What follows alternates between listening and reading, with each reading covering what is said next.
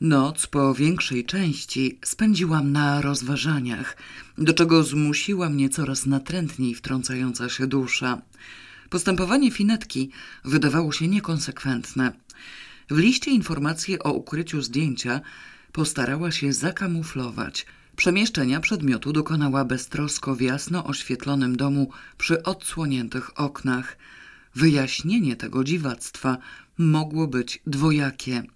Przede wszystkim jej charakter. Niecierpliwa i leniwa, niczego nigdy nie przemyślała porządnie i do końca. Nie chciało jej się.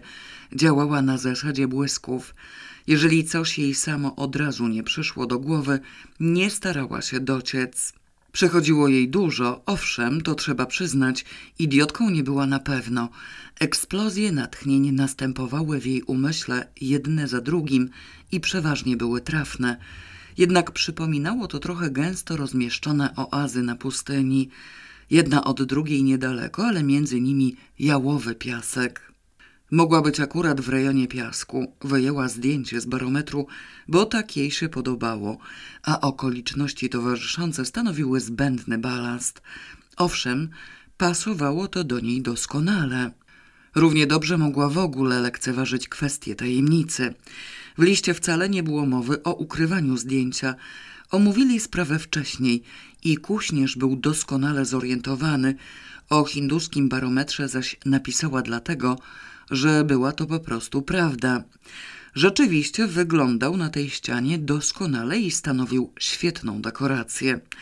W takim wypadku dalszy ciąg był logiczny. Można mniemać, że tajemnicę utrzymywał tylko nieboszczyk. Niewykluczone nawet, że była to tajemnica przed nią. Pomiędzy Finetką a Gacią istniały kiedyś silne powiązania. Mundzio był w nie mocno wplątany. Załóżmy, że to na ich polecenie Finetka związała się z człowiekiem, który o niej nic nie wiedział, albo uczyniła to wcześniej. Oni się o tym dowiedzieli i spróbowali wykorzystać. Możliwe, ostatecznym celem były pieniądze. Finetka weszła do spółki bez najmniejszych skrupułów i po śmierci kuśnierza nie miała powodu z czymkolwiek się ukrywać. No dobrze, dlaczego w takim razie wetknęła to do pudełka z pudrem, zamiast zwyczajnie włożyć do torebki? Konkurencja? Ktoś tego kuśnierza zabił, nie finetka przecież. Przewidując, że zabójca przyjdzie teraz szukać upragnionego przedmiotu, wykonała podstępną demonstrację, na którą narwałam się akurat ja. Pytanie, kto i kiedy obejrzy podobiznę mojego zęba – na pierwszy rzut oka pod światło można stwierdzić, że w żadnym razie nie jest to mapa. Ponadto z pudru finetki wyjęłam odbitkę, a wetknęłam jej tam negatyw. Trzeba zrobić zdjęcie jakiejkolwiek mapy, wykonać odbitkę odpowiedniego rozmiaru i zamienić anatomię na geografię. Na jak długo ona przyjechała? Jeśli zostanie tu kilka dni, zdołam tej zmiany dokonać, jeżeli jednak wyjedzie od razu. Przypomniałam sobie nagle, jak Finetka wyjeżdżała z kraju i aż się wzdrygnęłam. Nie do wiary, że coś takiego może człowiekowi umknąć z pamięci. Nie przyszło mi wtedy do głowy, że mogłaby wyjechać, bo miała jakieś kłopoty paszportowe. Coś tam było w jej przeszłości. I skończyło się, jak nożem uciął. Dostała paszport, Znikła dosłownie z dnia na dzień, a za to zaraz potem jakieś osoby diabli wzięli. W krążących o niej plotkach było dużo prawdy. O poranku mozolnie składane do kupy strzępy życiorysu Finetki ułożyły mi się w jakąś sensowną całość. Dopiero teraz dopasowałam do reszty także i to, co słyszałam od niej samej, co wyrwało jej się niekiedy w przepływach lekkomyślności – to, co widziałam na własne oczy i na co wówczas nie zwracałam uwagi. Z wysiłkiem oderwałam się od jej biografii dla załatwienia spraw bieżących. Roberta znalazłam nad jeziorem. Czy ty masz w domu jakiś normalny aparat fotograficzny? Mam, a bo co? Potrzebuję małe zdjęcie. Broń Boże nie kolorowe, czarno-białe. Sfotografujesz byle jaką gęstą mapę i zrobisz odbitkę – zmniejszoną do tych rozmiarów, co to tutaj. Nie wiem, jakie rozmiary ma to tutaj, chcę to zobaczyć. Pokazałam mu ukradzione zdjęcie i wyjaśniłam problem. Zdjęcie wyglądało jak czarny placek, kompletnie zamazany. Z trudem można było stwierdzić, że czerń nie jest jednolita, tylko tworzy ją jakiś drobniutki, gęsty wzór. Robert się zastanowił. Można zrobić polaroidem coś, co jest czarno-białe. Na polaroidzie też wyjdzie czarno-białe i uciąć kawałek. Odpada. Polaroid jest czarny na plecach. No to z tego polaroidu można zrobić zdjęcie i zmniejszyć 12 razy. 3 razy 4 to 12. To jest akurat 12 razy mniejsze. Potrzebne ci to jest zaraz, bo inaczej ona dopadnie twojego zęba i jeszcze cię po nim pozna. Może tu jest jakiś zakład fotograficzny? Jest. Doskonały pomysł. Robimy. Na temat zdjęcia wybraliśmy jakąś ogromnie skomplikowaną reklamę w gazecie. Wyszła pierwszorzędnie. Kłopoty pojawiły się z innej strony. Teresa zażądała wyjazdu do sklepu Matki Boskiej, chcąc go nam koniecznie pokazać. Robert z rodziną musiał odjechać na zajutrz rano, bo pod koniec weekendu zawsze były korki na autostradach, a w poniedziałek szedł normalnie do pracy. Między dzisiejszym południem a jutrzejszym porankiem musieliśmy zatem zmieścić Matkę Boską, wizytę u fotografa, kamuflującą wizytę u Joli i manipulację u Finetki. Zrobiło mi się ciasno w czasie. Na szczęście do Madonna House jechało się przez Barry's Bay. Mojej matce i mojej synowej było wszystko jedno. Moja synowa w ogóle obliczyła sobie, kiedy wyjeżdżam i postanowiła, że przetrzyma wszystko. Teresa się trochę niecierpliwiła, ale też przeczekała. Fotograf był otwarty. Nie zdziwił się nawet. Widocznie myślał, że zachwyciła nas ta reklama. Obiecał zrobić gotowe zdjęcie za dwie i pół godziny, z tym, że cena również wypadła ekspresowo. Pomyślałam, że chyba nie kupię sobie butów. Fundacja okazała się prześliczna, sklep rzeczywiście był oszałamiający. Zważywszy jednak grożące mi bankructwo, wzdragałam się przed oglądaniem towarów droższych niż po dolarze. Kiedy w końcu stamtąd wyszliśmy, w połowie drogi do parkingu ujrzałam finetkę. Nie dostrzegła mnie, kierowała się do sklepu. Zatrzymałam się, patrząc, czy wejdzie. Weszła. Dogoniłam Roberta. Jeżeli odbiorę zdjęcie, pojedziesz do Joli, poleciłam mu. Nie zwracaj uwagi na gadanie Teresy. Powiem im, że muszę jej złożyć wizytę. Zełgam, że wczoraj obiecałam. A tam nikogo nie będzie. Nie szkodzi. Zełgam, że pomyliłam tygodnie. To miało być w pierwszą sobotę. Masz przy sobie ten wytrych? Mam, a grawkę też mam. Zostawimy je u Joli i załatwimy sprawę. Jedyna okazja. Ona z tego sklepu nie ma prawa wyjść przed pół godziną. To jest minimum absolutne. Jola i Marysia były, grzebały w swoim ogrodzie. Szaleńczo zdenerwowana nietaktem Teresa od razu wyjaśniła im, że wpadliśmy tylko na chwilę, przy czym ona nie wie dlaczego. Została tu zawleczona siłą i bardzo je przeprasza. Skorzystałam z zainteresowania mojej matki kwiatkami, mrugnęłam na dziecko i zmyłam się z horyzontu. Wytrych ku mojemu śmiertelnemu zdumieniu pasował do tylnych drzwi. Po drodze zdążyłam stwierdzić, że nie mam już wolnej foliowej torebeczki odpowiedniego rozmiaru. Bez namysłu wyjęłam z opakowania ukradziony łup i na jego miejsce wetknęłam reklamę, która zmniejszona dwanaście razy wyglądała prawie identycznie. W obawie pomylenia przedmiotów dałam właściwy do potrzymania Robertowi. Trzymania odmówił, schował chwilowo w portfelu. Przemknęłam do sypialni finetki i dopadłam pudełka z pudrem. Mojego zęba wewnątrz nie było.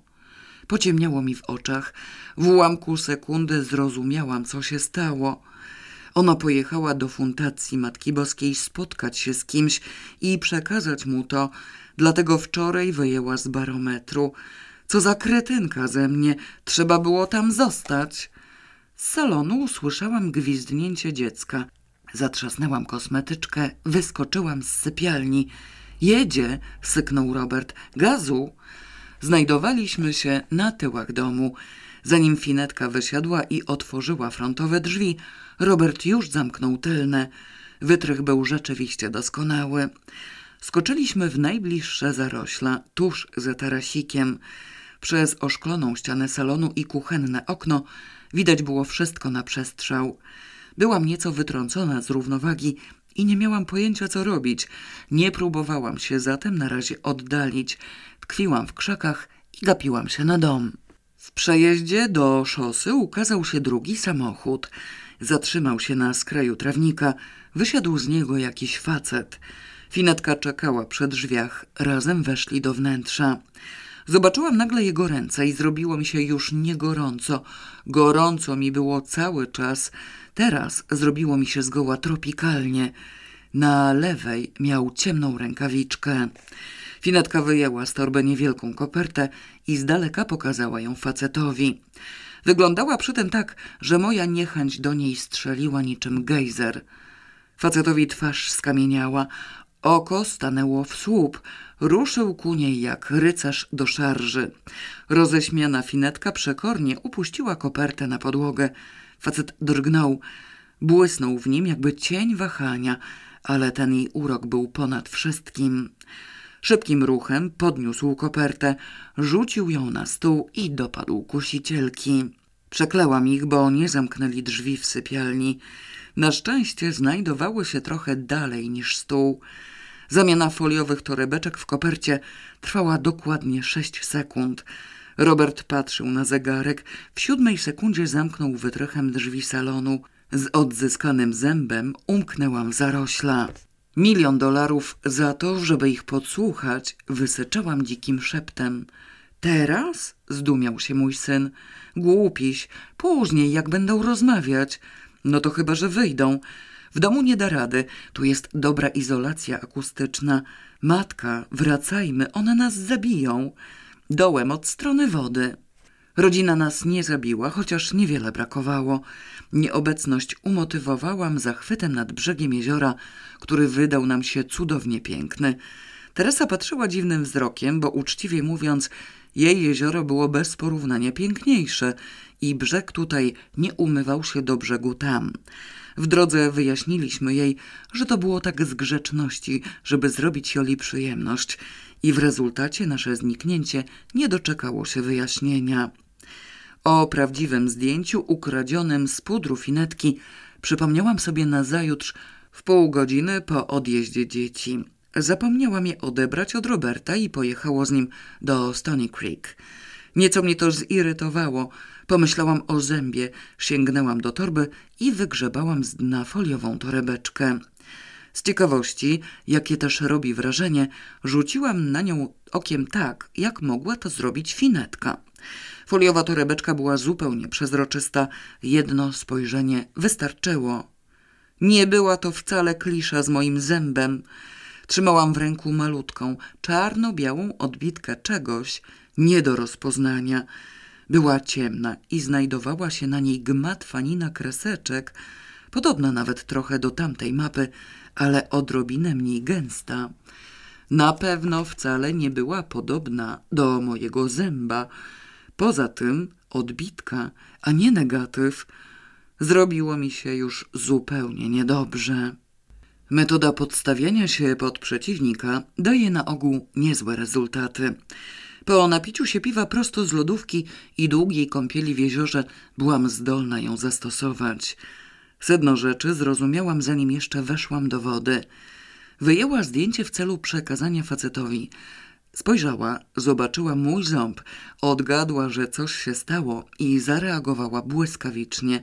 Dokonała kolejnej zamiany, wynajdując coś w miarę możliwości podobnego, żeby facet zbyt szybko nie połapał się w oszustwie.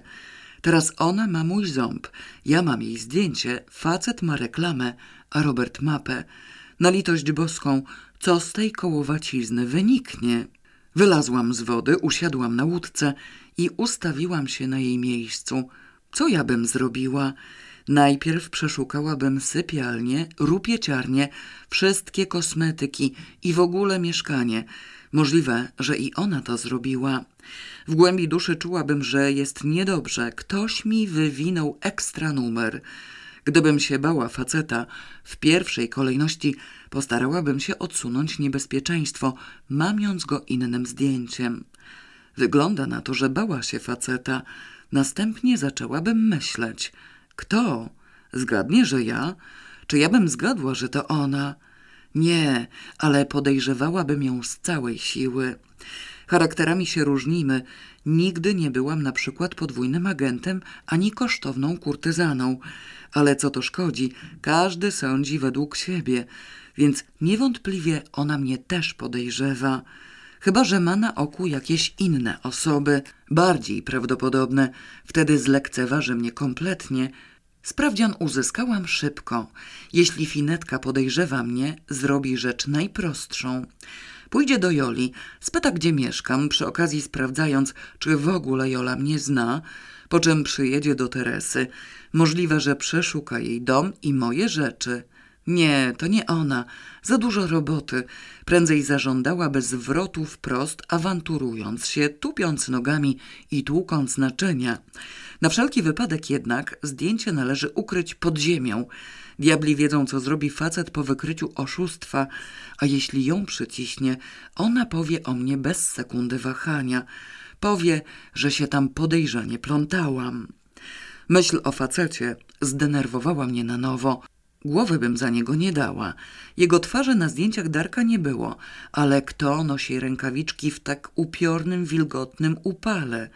Samochodowe zdejmuje się wysiadając. Poza tym to nie były samochodowe, poza tym tylko jedna, poza tym tylko na lewej. Ten sam? Nad miejscem ukrycia zdjęcia rozmyślałam co najmniej pół godziny.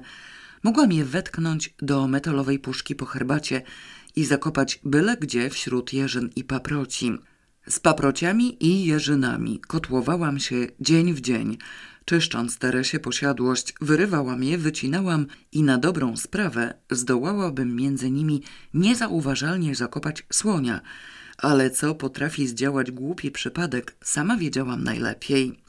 Nie zachwyciła mnie ta myśl i zdecydowałam się w końcu nosić to małe draństwo przy sobie, przylepić do spodniej strony zegarka i cześć, wielkością pasuje. Finetka przyjechała z wizytą po dwóch dniach. Okiem na jej widok nie mrugnęłam. Przywitałam ją z zimną krwią, posadziłam przy ogrodowym stoliku i dałam Coca-Coli prosto z lodówki.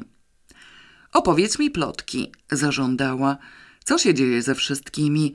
Z Mateuszem, z Misią, z Andrzejem, z Januszem, ze Sławkiem, z Konarskimi, z Hubertem, z Henryką i tak dalej. Od wieków nic o nich nie wiem. Z Henryką się przecież widywałaś. Parę lat temu spotkała cię w Bostonie. Odparłam od końca. I o Misi powinnaś wiedzieć więcej ode mnie. Ona siedzi w Kalifornii. Tak? Możliwe. Może masz rację. Chyba widziałam ją kiedyś. Ona tam jest na stałe? Na stałe? No a reszta? Mateusz ożenił się drugi raz. Ma prześliczną żonę, która świetnie gotuje. Janusz też. To znaczy nie świetnie gotuje, tylko ożenił się drugi raz. Konarscy są we Francji, a Hubnerowie w Anglii. Andrzej zwyczajnie pracuje. Niedawno wydał za mąż córkę. Rozwiedli się? Nie, pogodzili. Z chwilą, kiedy znikłaś z horyzontu, stracili powód do rozwodu. Co do Sławka natomiast, to nie wiem, którego masz na myśli. Znam trzech w różnym stopniu. Przemysława, więc może być co z Przemkiem.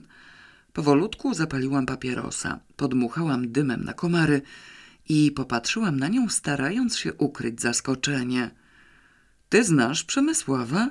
Od wieków jeszcze do szkoły chodziłam, podobał mi się wtedy. Coś mi się w środku zrobiło. W jednym ułamku sekundy straszliwy blask eksplodował w moim umyśle.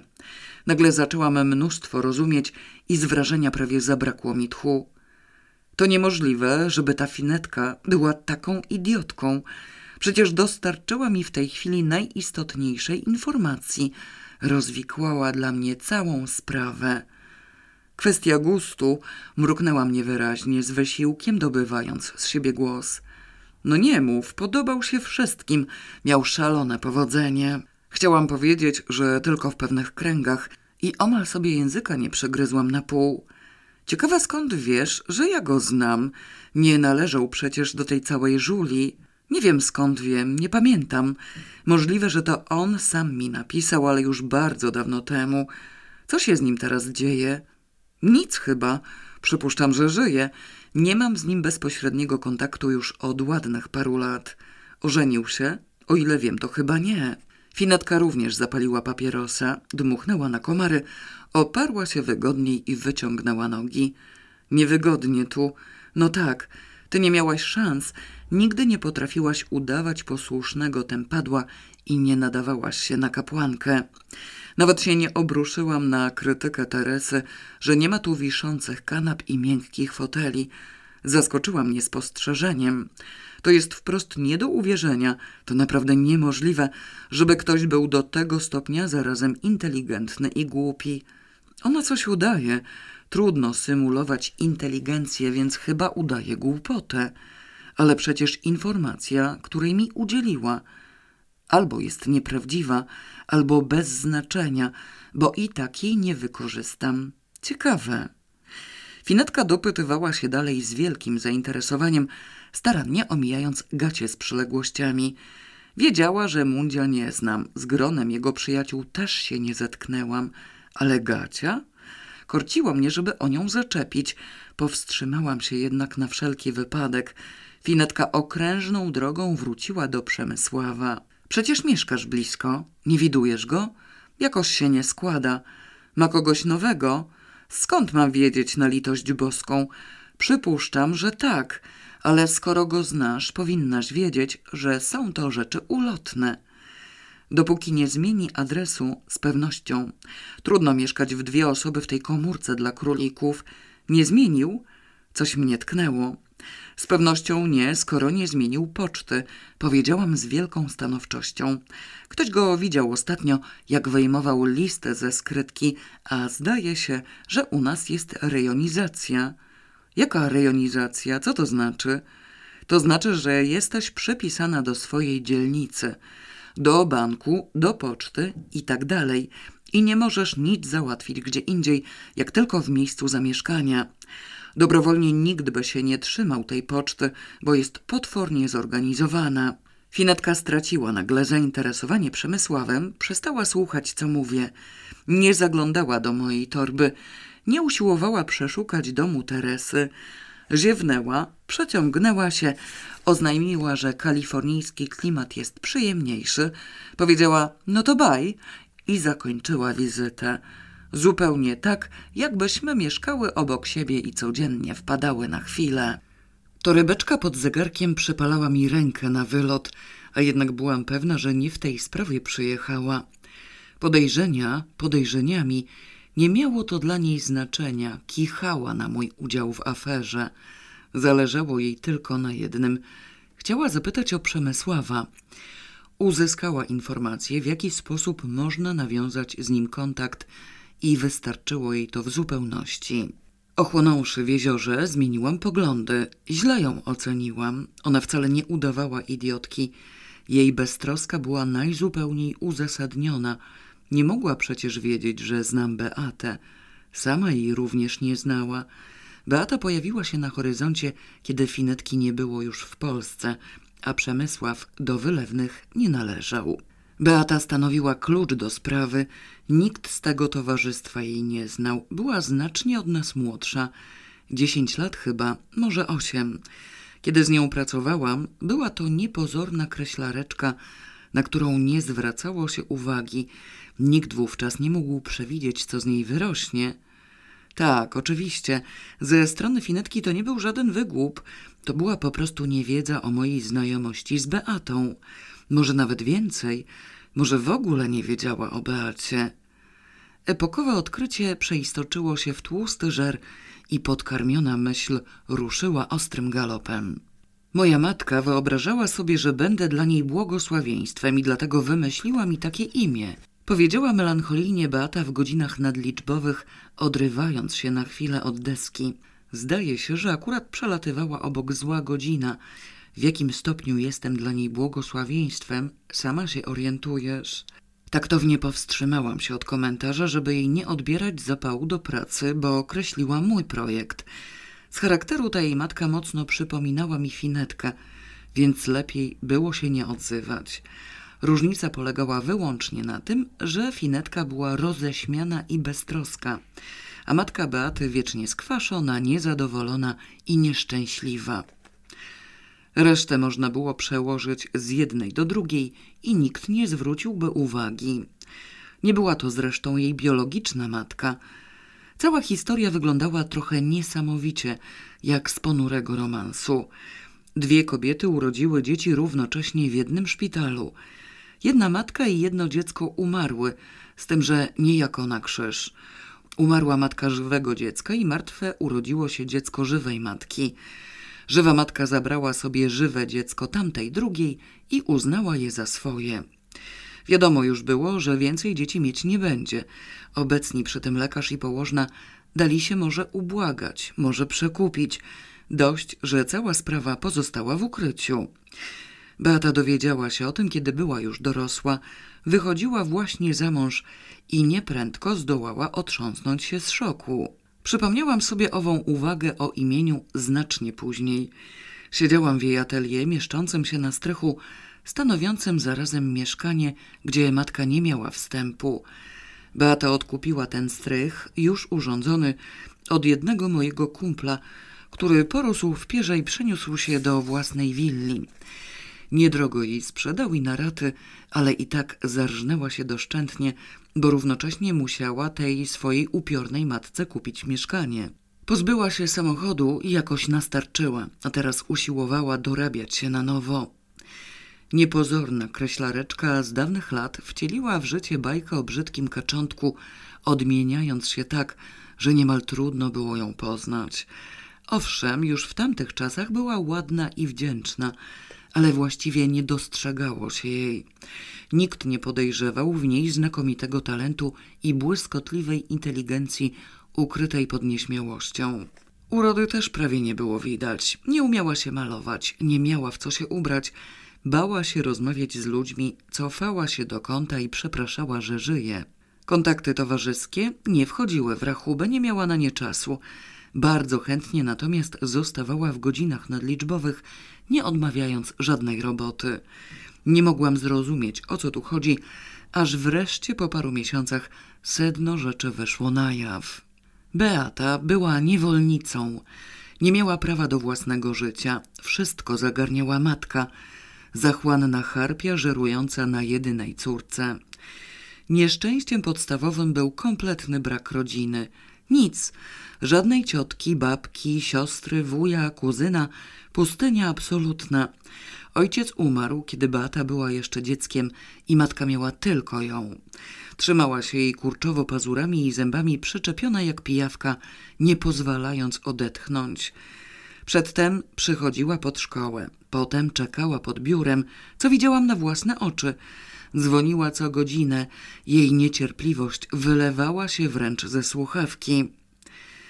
Najchętniej zabroniłaby Beacie w ogóle chodzić do pracy i przywiązała ją do siebie liną okrętową.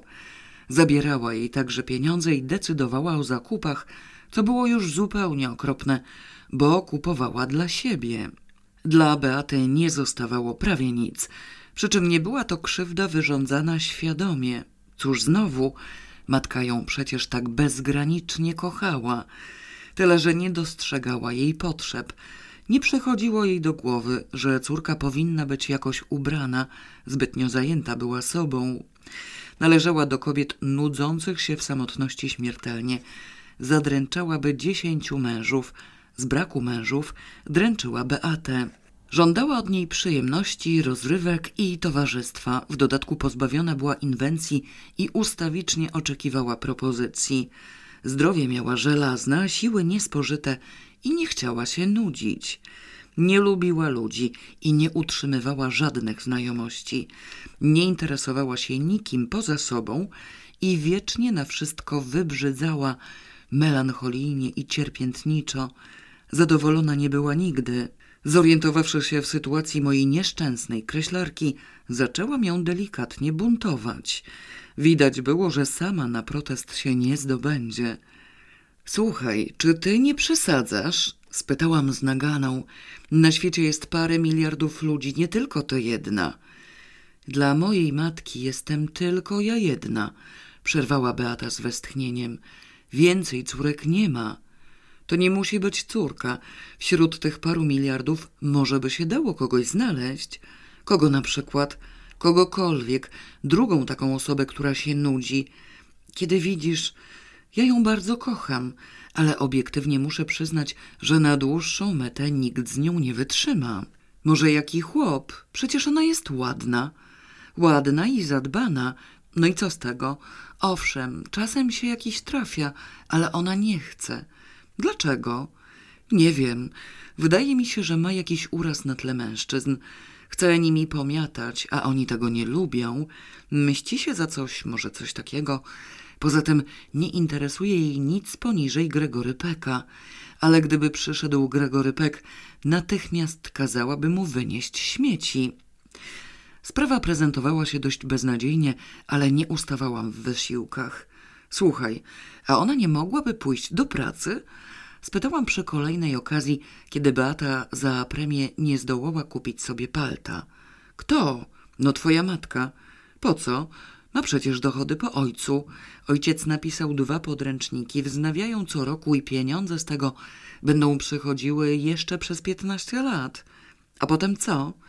Ona twierdzi, że do tego czasu umrze, a jeśli nie, ja ją będę utrzymywać.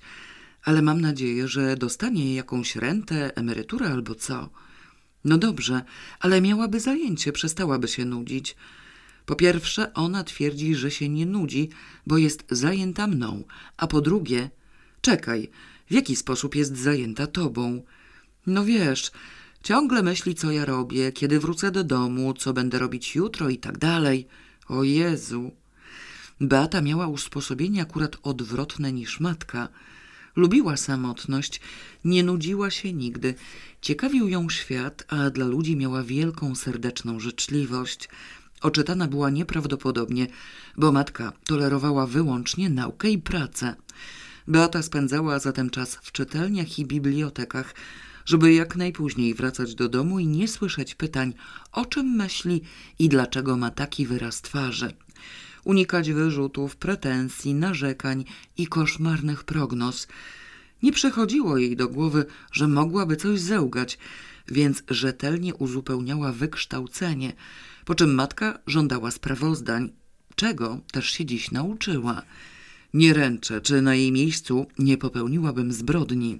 Beata zbrodni nie miała w planach, ale znosiła te kuratole z coraz większym wysiłkiem. Cierpło w niej wszystko, a zęby jej się same zaciskały. Na radykalne posunięcie nie umiała się zdobyć, zresztą nie miała za co i bliska już była ostatecznej depresji, kiedy uratowało ją małżeństwo. Zamienił stryjek, siekierkę na kijek, napatrzył się na nią pierwszy amant całego biura – nieprzeciętnie przystojny chłopak. Świetny fachowiec, rozpuszczony powodzeniem jak dziadowski bicz, apodyktyczny tyran i despota, a przy tym nie głupi. Zgadł od razu, że w Beacie znajdzie pokorną niewolnicę i wygodny podnóżek, ustawi ją sobie jak zechce i usługę zyska pierwszej kategorii. Postanowił się ożenić. Beata nie miała złudzeń, rozszyfrowała go z miejsca, ale w udrękach z matką stanowił wielką szansę. Wyjść za mąż miała prawo, zdecydowała się bez namysłu. Matka dostała szału.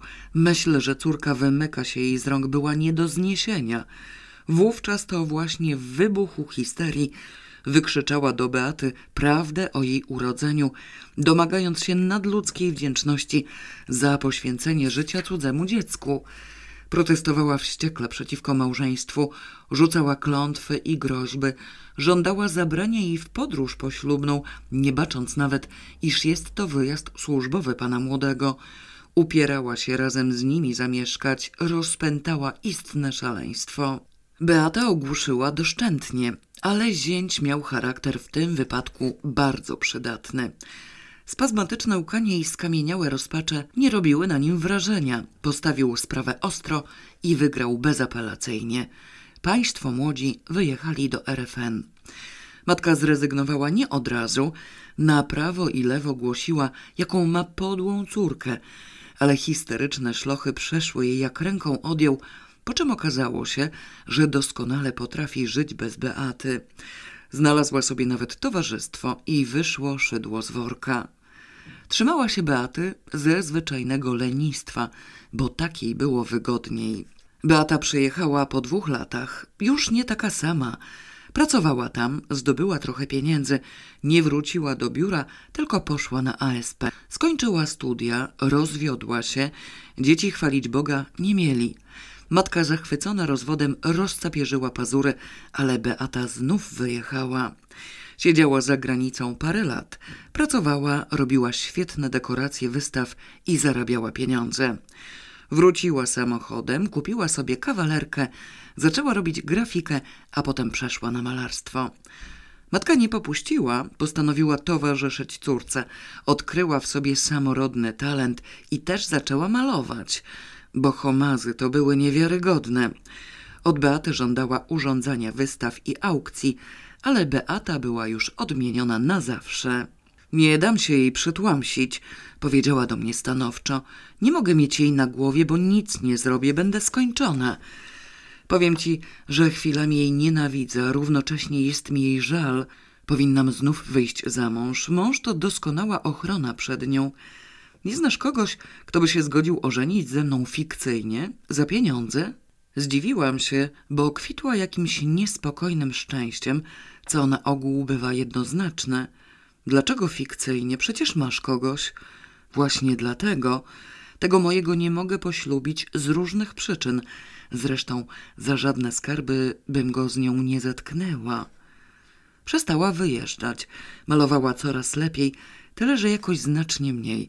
Swoją kawalerkę zamieniła na ten strych z pracownią, po czym okazało się, że dom, w którym mieszkała matka, ma zostać rozebrany. Za jej mieszkanie spółdzielcze zapłaciła Beata, przy czym ta straszna baba zażądała dwóch pokojów, bo przecież musi również malować. Beata nie protestowała, sprzedała samochód i w jakiś czas potem nastąpił krach. Przemysława poznałam przy okazji załatwienia jakichś spraw urzędowych, których na ogół unikam jak zarazy, więc w ogóle nie mam o nich pojęcia. Działo się to w Ministerstwie Kultury, instytucji dostatecznie szacownej, żeby zawieranie w niej znajomości było wręcz pożądane. Czarujący i elegancki pan pokazał mi, który to pokój, pouczył o kolejności działań, poinformował, że muszę napisać podanie. Na komunikat o podaniu z miejsca prychnęłam jadem i zaraz potem okazało się, że słusznie – Wcale nie muszę pisać. Ministerstwo ma moich podań po dziurki w nosie. Obejdzie się bez następnego. Pan okazał coś, co można by nazwać rozbawionym zaskoczeniem i uczynił kilka uwag, które mnie zainteresowały. Potem przedstawił się Przemysław Derbacz. Rwał moje oko od pierwszej chwili, bo był szalenie przystojnym blondynem – a blondyni rozmaitego autoramentu odgrywali w moim życiorysie nader istotne role.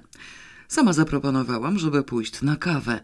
Na tej kawie najpierw stwierdziłam, że coś mi on nie pasuje na pracownika kultury, a potem przyjrzałam mu się dokładniej. Piękny był, bezsprzecznie, ale miał jedną wadę, mianowicie odrobinę za wąsko osadzone oczy – Kiedyś gdzieś przeczytałam, że wąsko osadzone oczy stanowią oznakę okrucieństwa i zakodowało mi się to na granit. Przemysław na okrucieństwo nie wyglądał, przeciwnie, prezentował ogólnoludzką życzliwość. To, co mówił, brzmiało niezmiernie interesująco jakoś jakby trochę tajemniczo. Do Ministerstwa Kultury nie pasował coraz bardziej. Kim pan jest? spytała mnie, bawiąc się w taktowne omówienia. Co pan robi? Zajmuję się ochroną zabytków, odparł skromnie.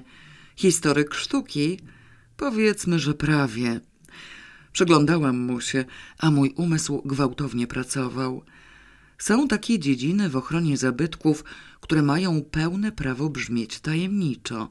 Siedzi w nich ale do licha, jeśli rzeczywiście w czymś takim siedzi, nie powinien mi tego dawać do zrozumienia. Powinien rzetelnie zachować tajemnicę. A jeśli nie siedzi, nie ma powodu się wygłupiać. Może rozmawiać wprost. Udaje? Na nie wygląda. Te oczy nie tylko były wąsko osadzone, gorzej, one nie miały żadnego wyrazu. Twarz owszem uśmiechała się, poważniała, popadała w rzewną melancholię, a oczy nic, przez cały czas takie same. Co u diabła? Szkła kontaktowe? E, tam mój syn nosi szkła kontaktowe i wygląda normalnie. Ejże, takie oczy bez żadnego wyrazu mają niektórzy, specjalnie się tego uczą. Zainteresowałam się bardziej. Niekonsekwencja tego człowieka była niepojęta i nabrałam chęci, żeby go rozgryźć. Pewnie gdyby był obrzydliwy, moje chęci zdechłyby w zarodku, ale taki i blondyn... Nie wiadomo, co by z tego wynikło, gdyby nie ta jedna wada. Wąsko osadzone oczy nie pozwalały mi pozbyć się nieufności popiskującej gdzieś tam na dnie duszy. Moja dusza zawsze była mądrzejsza ode mnie i wiedziałam, że nie powinnam jej lekceważyć. Pomimo to wymieniłam z nim telefony. Nie wymieniłam, dałam. On nie miał telefonu. To też wydało mi się dziwne, ale za późno już było, żeby mu wyrywać wręczoną wizytówkę. Pomyślałam, że wola boska nie pokąsa mnie przecież, a gdyby był natrętny, to właściwie sama przyjemność. Przy okazji może się czegoś dowiem. Był natrętny, niezrozumiale pod każdym względem. Zadzwonił, spotkaliśmy się. Zadzwonił, złożył mi wizytę. Zadzwonił, podrzuciłam go gdzieś tam. Rozmawialiśmy w samochodzie. Nieufność na dnie mojej duszy kwiczała jak zażynany wieprz. Primo, co jest? Dzwoni, spotyka się. Nie może się rozstać, przeciąga spotkanie, chociaż mnie się ziemia pod nogami pali, a uparcie twierdzi, że wcale nie ma czasu. Sekundo, równocześnie wykazuje inicjatywę i nie wykazuje inicjatywy. Dzwoni owszem, w słuchawce widać, że chętnie by się spotkał, ale żadne zaproszenie, żadna propozycja nie pada. Czeka na moją, a ja działam wbrew sobie. Dzwonił nieregularnie i nieoczekiwanie. Nie zawsze było mi to na rękę, a jednak poddawałam się. Mówiłam to, na co czekał. Proponowałam to, co on powinien był zaproponować, bez względu na moje własne zamiary i potrzeby i sama siebie nie mogłam zrozumieć.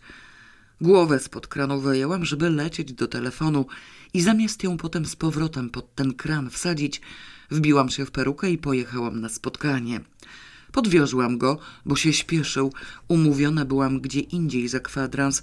Po dwóch godzinach jeszcze siedzieliśmy w samochodzie gadając.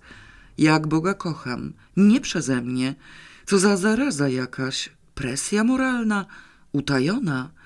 Nie zakochał się we mnie. To pewne. Nie podrywał mnie. Parę razy w życiu byłam podrywana i parę osób się we mnie kochało. Niemożliwe, żebym nie miała o tym żadnego pojęcia. Mimo uprzejmości, usług, obskakiwania, zachwytów, to nie było to. Chyba, że te oczy bez żadnego wyrazu, nigdy nic w nich nie błysnęło, nic się nie pojawiło. Kamień, drewno, sztuczny produkt. O sobie mówił równocześnie dużo i mało. Ściśle biorąc, mówił mało, dużo dawał do zrozumienia. Rozmawiał ogólnikami, niedomówieniami, metaforami. Z konkretów dowiedziałam się, że jest rozwiedziony. Dzieci nie ma, mieszka skromnie i nikt u niego nie bywa. Pracuje tylko czasami, tak się ustawił, bo lubi swobodę. Przydeptywałam tę kwiczącą duszę z całej siły, bo wydawał mi się interesujący, zagadkowy i jednak cholernie przystojny, aż do chwili, kiedy sprawę rozwikłał przypadek. Przyjechałam do Beaty bardzo późno, z głupiego powodu. Lubię czytać seriami. Siedziałam właśnie w średniowieczu i przypomniałam sobie, że ona ma coś jeszcze z wypraw krzyżowych. Nie mogłam tego dostać. Postanowiłam od niej pożyczyć. Podjechałam, z dołu zobaczyłam, że w oknie się świeci. Weszłam na górę. Na ostatniej kondygnacji spotkałam schodzącego ze strychu Przemysława. Na strychu mieszkała tylko Beata.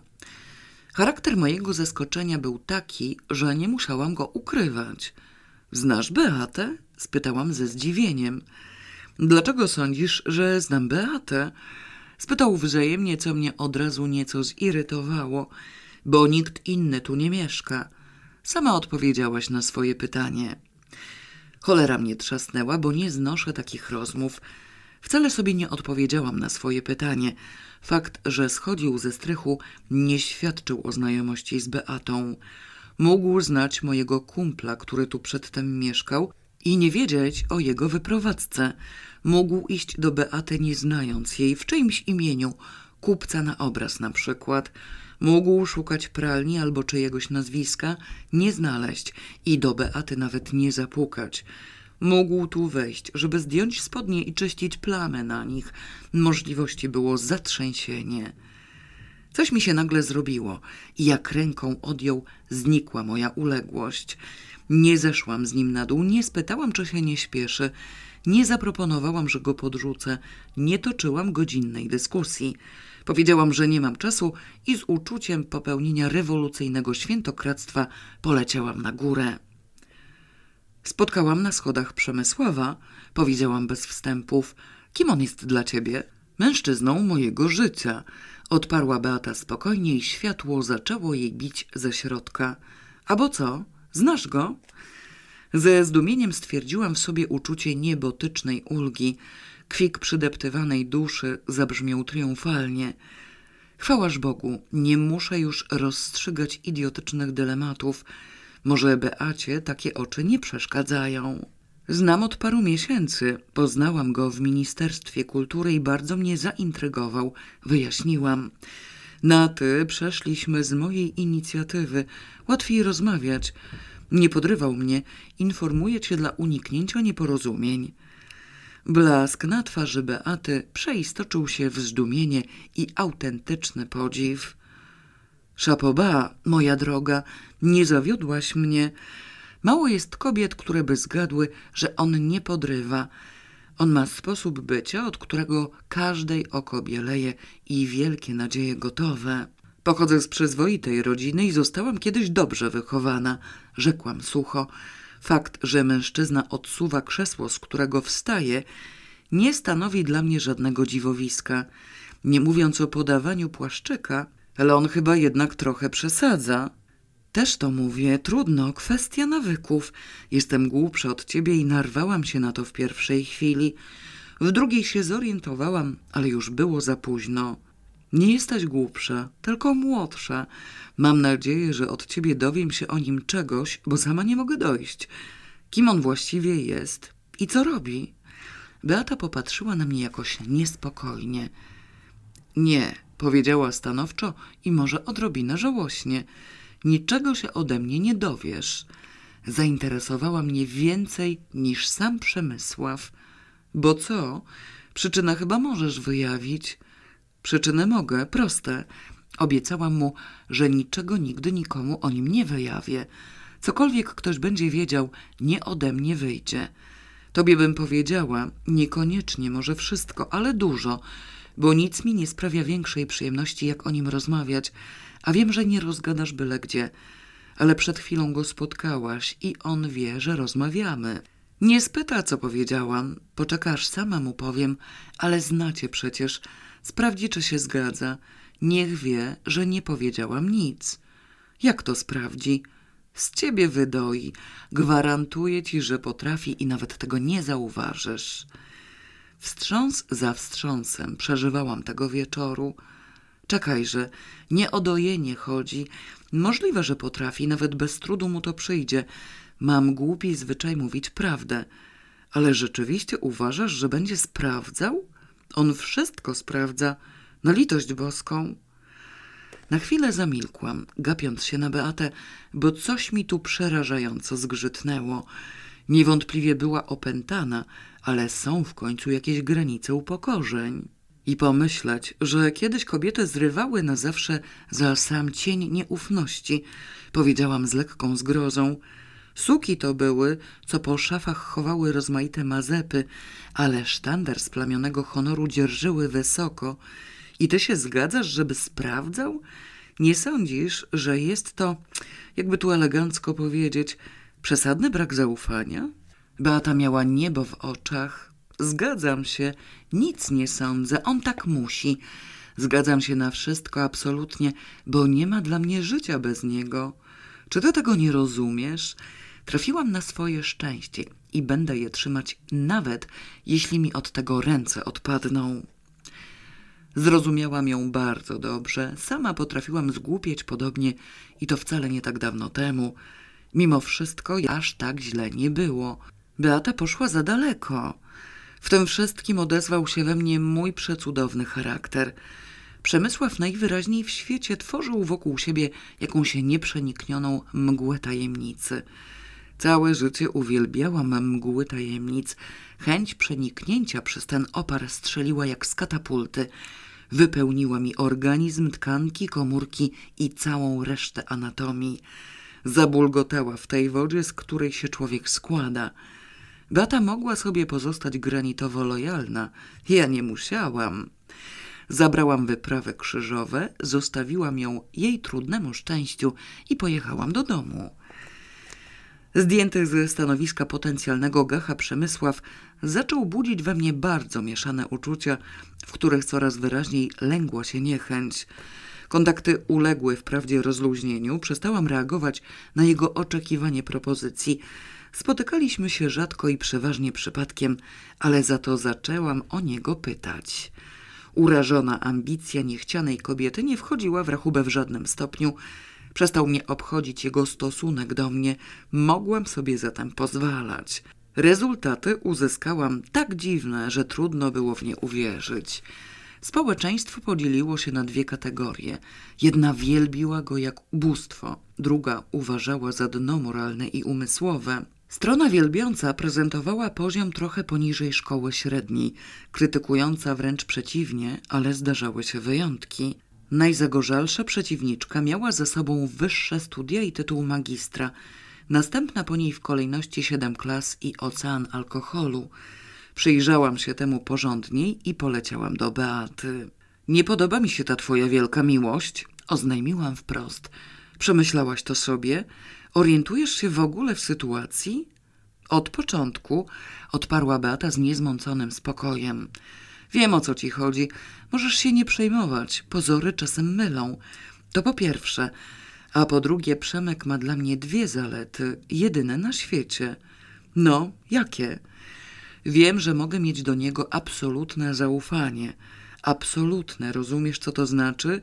I wiem, że mnie kocha. Jestem jedyną kobietą na całej kuli ziemskiej. Wszystkie inne nie mają płci. Dusza mi jęknęła rozpaczliwie i okropnie, bo z moich własnych ust wyjęła te słowa. Też to kiedyś mówiłam, też miałam zaufanie, też byłam jedyna na kuli ziemskiej, kretynka nieszczęsna. Od chwili, kiedy pierwsza małpa zlazła z drzewa i przeistoczyła się w ogniwo pośrednie, nic nie uległo zmianie. No nic, przeżyłam ja, przeżyje i ona. Jesteś pewna, że cię nie oszukuje, chociażby bezwiednie? Spytałam ostrożnie. Co masz na myśli? Będę brutalna, ostrzegłam. Bądź, zgodziła się Beata. Jeżeli jakaś kobieta, zaczęłam i urwałam. Chciałam powiedzieć, że jeżeli jakaś kobieta patrzy na niego oczami zakochanej odaliski, a on chodzi koło niej jak koło śmierdzącego jajka, kwiaty wręcza i paluszki przy tych kwiatach całuje, ona rozkwita jak wiosenne błonie, a przyjaciółkom z zawiści gałki oczne wypadają z orbit, to już to jedno wystarczy, żeby coś nie grało. Wyłaniają się tylko dwie możliwości – albo jest dennym kretynem, albo wstrętną świnią. Jak skończony debil nie widzi i nie rozumie, jakie uczucia i nadzieje budzi w tej kobiecie, nie zdaje sobie sprawy, że zawód trzaśnie ją niczym toporem. Albo też jak ostatnia świnia, widzi to wszystko doskonale i którąś z nich kantuje świadomie i bez miłosierdzia. Tę kobietę, jeśli de facto mają w nosie, Beatę, jeśli tamtą facetkę zamierza uszczęśliwić. Oglądałam taką scenę przypadkiem z największą uwagą. Dowiedziałam się, że nie było to tylko raz i wyciągnęłam swoje wnioski. Chciałam to teraz powiedzieć Beacie, żeby ją skłonić do przemyślenia kwestii i urwałam, bo przyszło mi na myśl, że może spowoduje tym pierwszy krok na drodze ku przepaści. Tkwi w tym swoim kokonie wielkich uczuć, omotana gadaniem Przemysława. Znałam to gadanie i o mało i mnie nie ogłupił i wcale nie chcę z niego wyjść. Jeśli wyjdzie, szlak im trafi związek, a ja się niepotrzebnie przyczynię. No, spytała Beata niecierpliwie, co z tą kobietą? Wolisz wiedzieć o nim coś najgorszego, czy wolisz nie wiedzieć nic? Wolę wiedzieć. Uparta jestem. Jeżeli zabił człowieka, jeżeli wczoraj się z kimś ożenił, jeżeli jakaś kobieta urodziła mu dziecko, rozzłościłam się nagle. Zgadza się, czekał z kwiatami w klinice położniczej. Do jakiejś obcej dziwy przyszedł, ale wszyscy go brali za szczęśliwego ojca. Nie to akurat jest najgorsze. A co? Czekaj, niech ci skończę. Więc niech będzie najgorsze. Po pierwsze, ja się przy nim zaparłam, jaki by nie był i co by nie robił.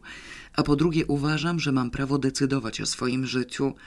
Nie mogę decydować bezpodstawnie na bazie mglistych przypuszczeń i nietrafnych dedukcji. Powinnam wiedzieć, nie uważasz? Zgodziłam się z nią, bo zawsze miałam takie samo nastawienie. Powiedziałam w złagodzonej nieco formie, główny nacisk składając na wnioski. Beata słuchała z kamiennym spokojem. Wiem, powiedziała pobłażliwie. Znam te sprawy, pokłóciłam się z nim o to. On ma już taki styl postępowania i rzeczywiście pod tym względem jest kompletnym idiotą. Nie rozumie, co taka baba może odczuć. Uważa, że robi chwilową przyjemność i nic dalej. Ale jak mu to wytłumaczyłam, zaczął się hamować. Dawno mu wytłumaczyłaś? Co najmniej rok temu. To ciekawa jestem, co robił przed dwoma laty. Jeżeli to, co widziałam dwa tygodnie temu, było hamowaniem się, nosił ją na rękach? Nie wiem, czy ją, ale owszem, powiem ci, że ja im wszystkim nawet współczuję. Granit przy niej to było nic, miękki materiał. Postanowiłam dać jej spokój. W końcu może to ja się mylę. Przemysław realizuje jakieś tajemnicze cele i w drodze do nich stosuje oryginalne środki. Ale może tak musi.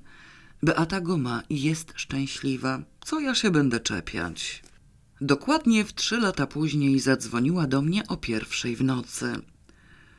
Przepraszam cię, że dzwonię o tej porze, powiedziała zgnębionym głosem. Ale gdzie mam zadzwonić, jak nie do ciebie? Do pogotowia? Do dyżurnego milicjanta? Już nie mogę. W tym miejscu załamała się i zaczęła płakać. Nie zdołałam pojąć, co się stało, bo płakała coraz gwałtowniej i powtarzała tylko, że już nie może, że nie może, nie może. Wypadłam z domu i pojechałam do niej. Rozeszła się z Przemysławem. Już po kwadransie łzy przemieniły się w szaleństwo.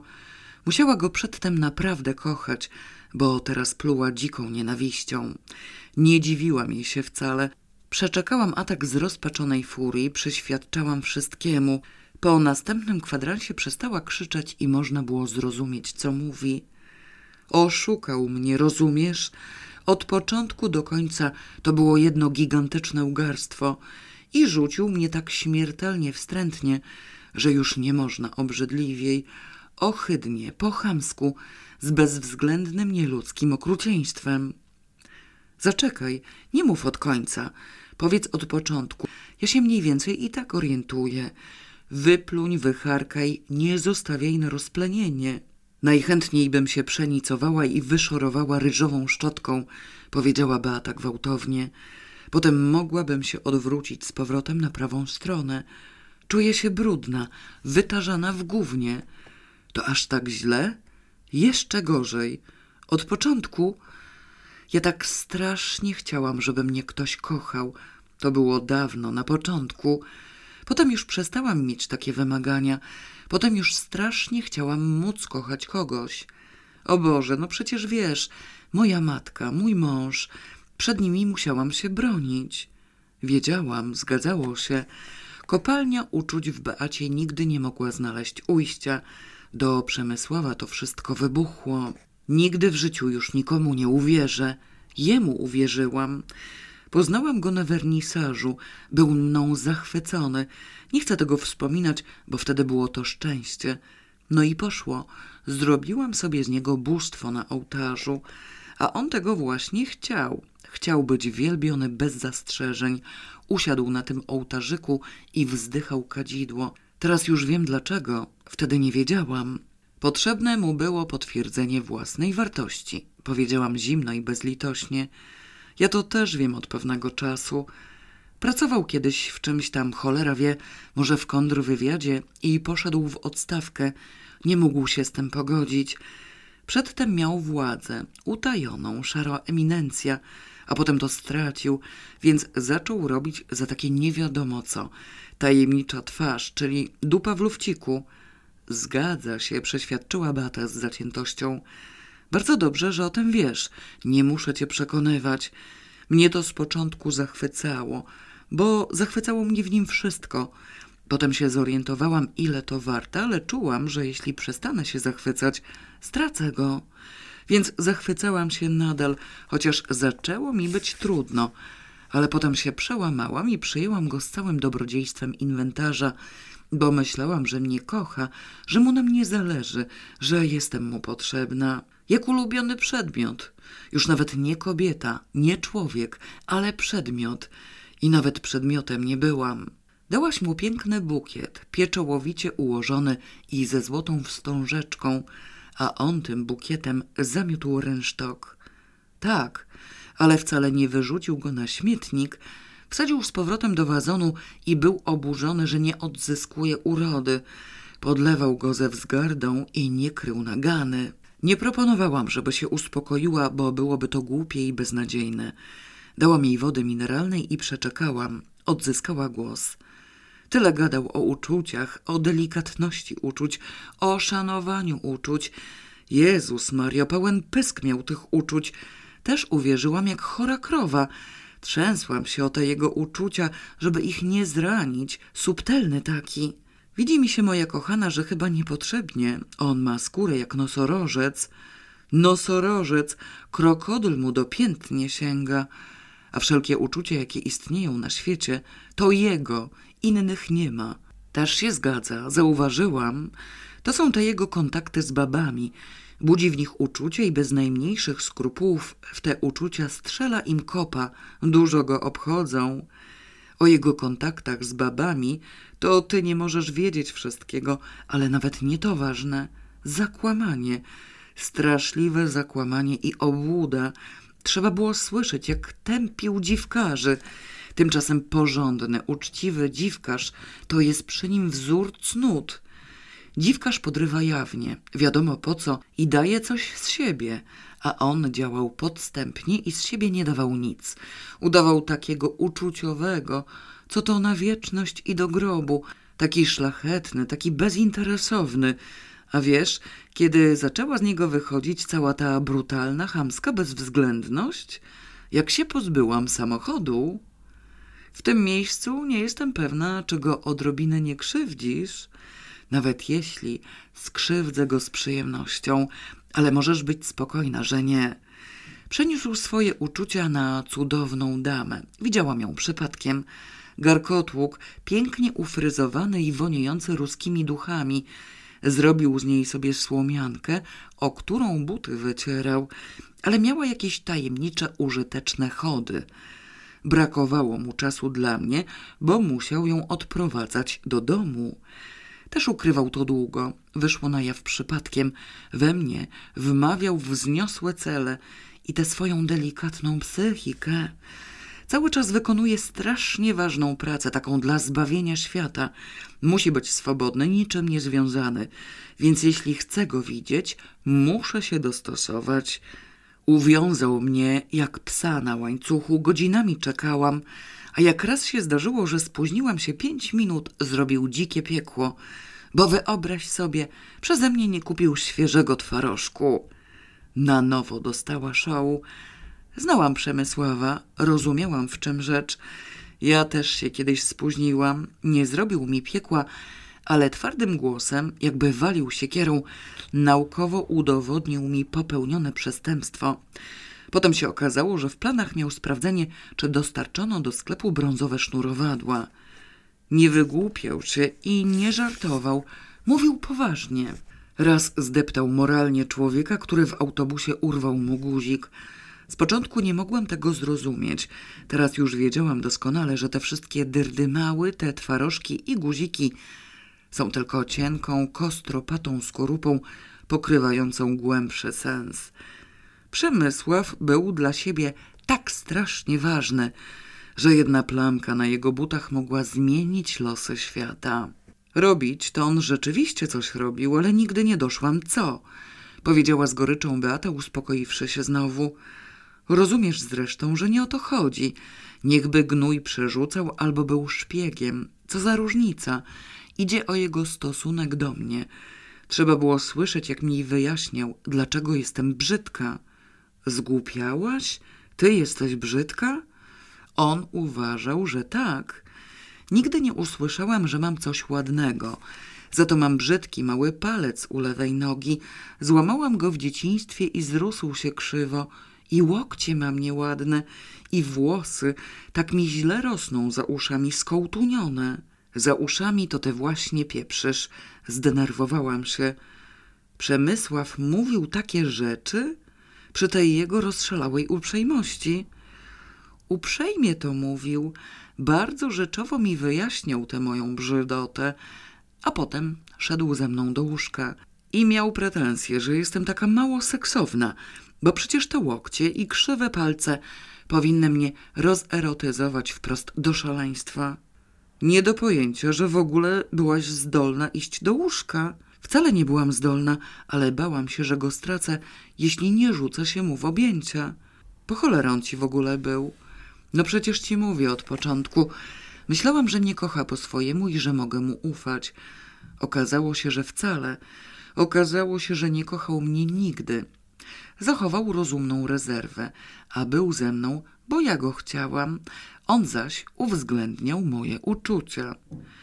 Przestań już z tymi uczuciami, bo mi się niedobrze robi. Zapchany był tym po dziurki w nosie. W ogóle to absorbuje tylko jego bezcenny czas, a on nic ze mnie nie ma i nie będzie zważał na moje fanaberie. Nie mam do niego żadnych praw. To też mi powiedział bardzo grzecznie i uprzejmie. Znienacka? Właściwie tak. Nic przedtem nie wskazywało. Tyle, że już długo był dla mnie nieprzyjemny. I ugał, oszukiwał mnie w każdej dziedzinie i na każdym kroku, a ja mu do końca ślepo wierzyłam. Wiedział, że mu wierzę i wykorzystywał to. To właśnie ten kontrast pomiędzy tym, co on mówi, a tym, co robi, zawyrokowałam stanowczo. Jeżeli mu się uwierzy, prawda wali się na człowieka jak grom z jasnego nieba. Co on właściwie robi w tej ochronie zabytków? Popełnia wykroczenia, powiedziała Beata zmęczonym głosem. Wepchnął się tam, nie wiem na jakiej zasadzie, i wykorzystuje sytuację, żeby coś zachachmęcić. Głupi jest, w tym też mnie oszukał, bo myślał, że jest mądry. Poza tym mnie uważał za debilkę, więc czasem mu się coś wyrwało. Nie przypuszczał, że sobie skojarzę. Wiem o dwóch wypadkach. Raz ukrył rzeczy, które powinny były iść do muzeum. Nie wiem, co z nimi zrobił, ale przepadły. A drugi raz ukradł list od jakiegoś chłopa o po niemieckim znalezisku. Podmienił, podłożył na to miejsce inny list. I do czego mu to było potrzebne? Czuł się ważny. Trzeba było słyszeć, jak mi o tym mówił. Posiadł tajemnicę i ma. Góruje nad innymi, bo ma to, czego oni nie mają. Paranoja. A propos, byłam lojalna, pamiętasz? Jedno słowo o nim ze mnie nie wyszło, nawet do ciebie. Potem mi powiedział, że to nie miało znaczenia, bo i tak nigdy nie powiedział do mnie niczego ważnego. Był ostrożny i pilnował, żeby mi nie zwierzać żadnych sekretów. Mogłam sobie mówić, co chciałam. Gdyby nie to, z pewnością bym go zdradziła, bo przecież świnia jestem, podstępna i zdradziecka. Powiedział ci to? Dał do zrozumienia. I to on uniemożliwiał mi kłamstwa, bo nigdy mnie o nic nie pytał. Boże jedyne, odważna, szczera, prawdomówna Beata. Te jej osiem lat z Przemysławem to było jedno pasmo obelg i upokorzeń. Ileż wysiłku musiało ją kosztować zamykanie oczu. A teraz okazuje się, że miał rację, mówiła Beata dalej z sarkazmem i nienawiścią. Teraz chętnie rozgłosiłabym o nim najgorsze rzeczy. Nie, nieprawda, nie rozgłosiłabym. Do ciebie mówię i na tym będzie koniec, bo to było zbyt wstrętne. Może nawet nie same fakty, ale moja wiara w niego i jego wiedza o mojej wierze. Starannie podtrzymywał mit bóstwa, A jak przyszła chwila, że mit się zaczął rozwiewać, wypiął się na mnie i cześć. Od roku się buntowałam i on to wyczuł, ale już nie miałam siły robić z siebie kretynki do tego stopnia. No więc właśnie, pooglądałam sobie te jego wielbicielki, powiedziałam w zadumie. Wszystkie piękne i ani jednej z intelektem. Przeciętne albo nawet mocno poniżej, aż zwróciłam na to uwagę. Uważam, że to pasuje do ogólnego obrazu. Musi mieć przy boku zwyczajne idiotki, żeby czuć się dobrze. W porównaniu z nimi rzeczywiście jest bóstwem. Udaje mu się grać rolę bóstwa, poprawiła Beata. Zdaje się, że jedna była tylko na jakim takim poziomie, ale to już bardzo dawno. Był wtedy młody i nie miał doświadczenia. Zdaje się także, że była to jedyna dziewczyna, w której się autentycznie zakochał. Musiała go nieźle szarpnąć, bo do tej pory jej zapomnieć nie może. Co za jakaś? Nie wiem. Kurwa chyba. Z tych, co uciekają z domu i pchają się do rynsztoka. Wywlókł gówniarę z tego błota. Piękna była. Dziś jeszcze twierdzi, że była to najpiękniejsza dziewczyna, jaką w życiu spotkał. Ale nie dla tej urody ją wywlókł, bo uroda dla niego nieważna. Popatrz, jak łgał. On, formalista.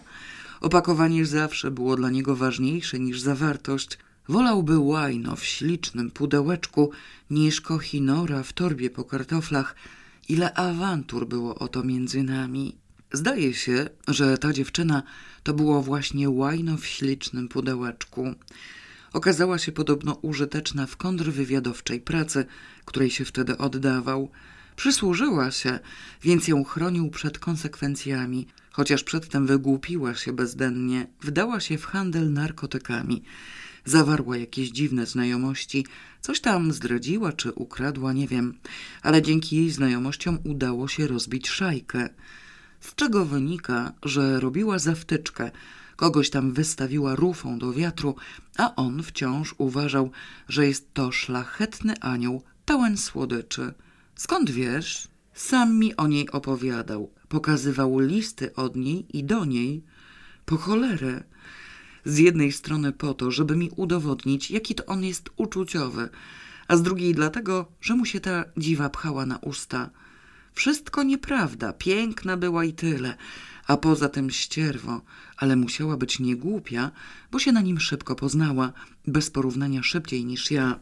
Wykorzystała go, zdaje się, koncertowo, on rzeczywiście miał, a może jeszcze ma, jakieś tajemnicze możliwości, bo co jakiś czas kontaktowała się z nimi, czegoś tam chciała, a on jej załatwiał, bo taki szlachetny. Korespondencyjnie, nie ma jej w Polsce, dawno uciekła, ale tkwi w nim jak zadra. Ja się do niej urodą nie umywam. Z rynsztoka mnie nie trzeba było wyciągać, Znajomości wśród podejrzanych cudzoziemców nie miałam nigdy, więc rzeczywiście jakiż ze mnie pożytek. W dodatku zbuntowałam się i przestałam być ślepo bezkrytyczna. Gdzieś nad ranem Beata odzyskała równowagę umysłową, chociaż do równowagi psychicznej było jej daleko. Trzasnął ją ten Przemysław nieziemsko. Niewiele bym z tego zrozumiała, gdyby nie to, że zdążyłam go trochę poznać. Reasumując, powiedziała bezlitośnie, spragniona byłam wzajemnych uczuć, uczciwości, lojalności i prawdy i duchowego oparcia, na które można liczyć. Dostałam, co następuje. Możesz tu postawić dwukropek. Żadnych przyjaznych uczuć do mnie. O miłości nawet nie ma co wspominać. Żadnej sympatii, żadnej życzliwości, żadnej pobłażliwości i tolerancji. Pozwalał się wielbić w zakresie, jaki mu odpowiadał, bez przeszkód dla niego i bez względów dla mnie.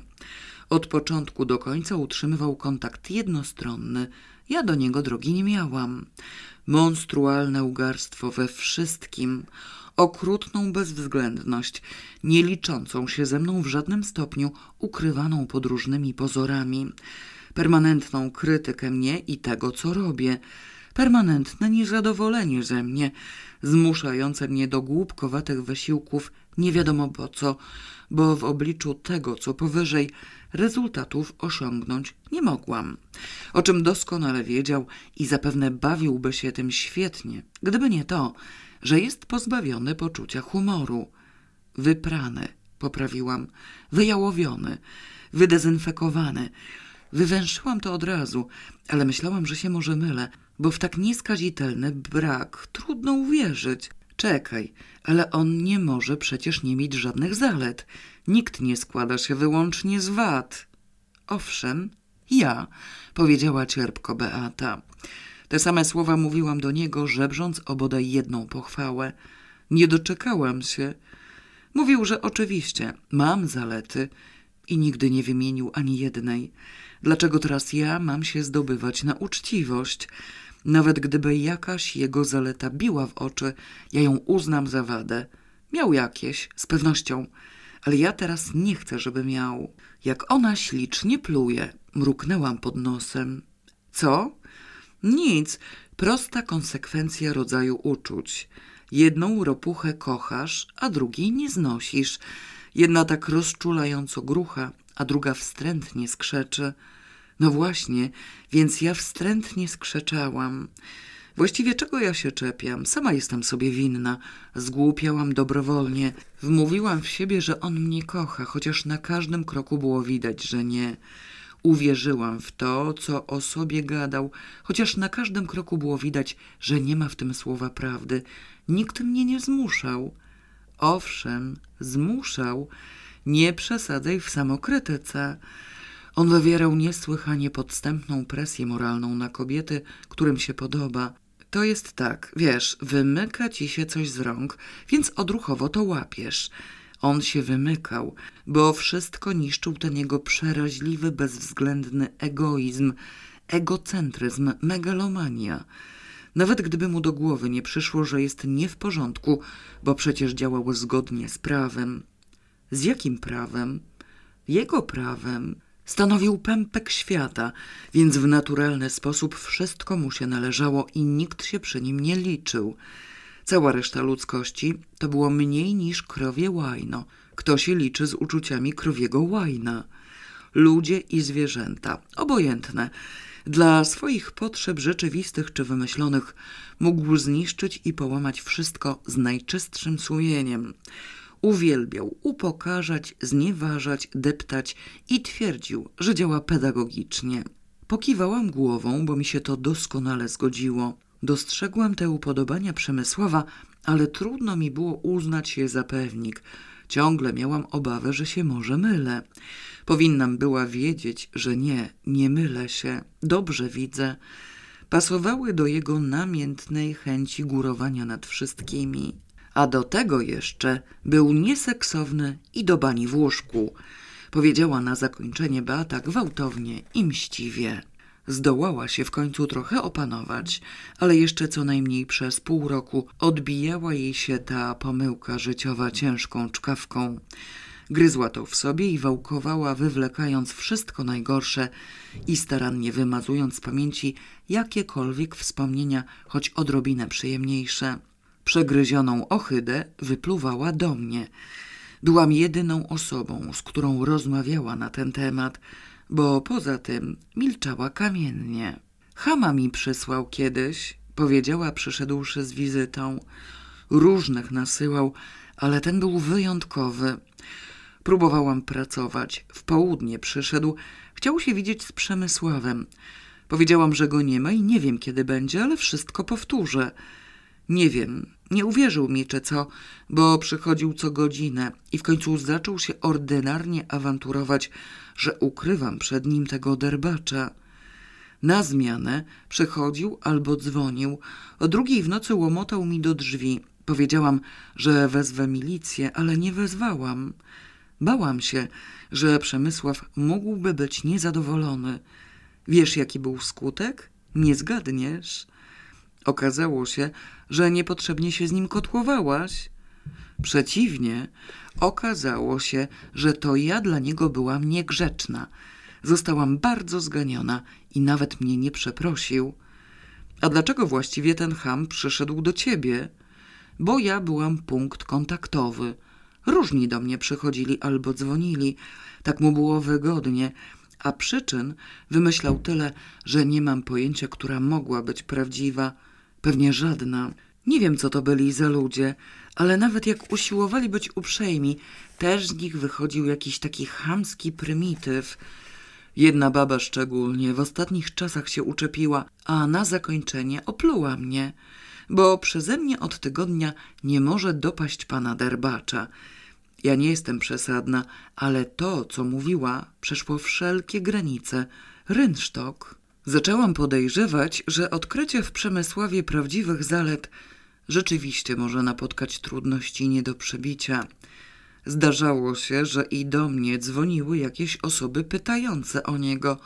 Rzadko wprawdzie, ale jednak. Przy jakimś kolejnym spotkaniu poprosiłam o wyjaśnienie, skąd wzięły mój numer telefonu, na co mi odpowiedział, że przypuszczalnie ktoś pomylił mój numer z jego służbowym.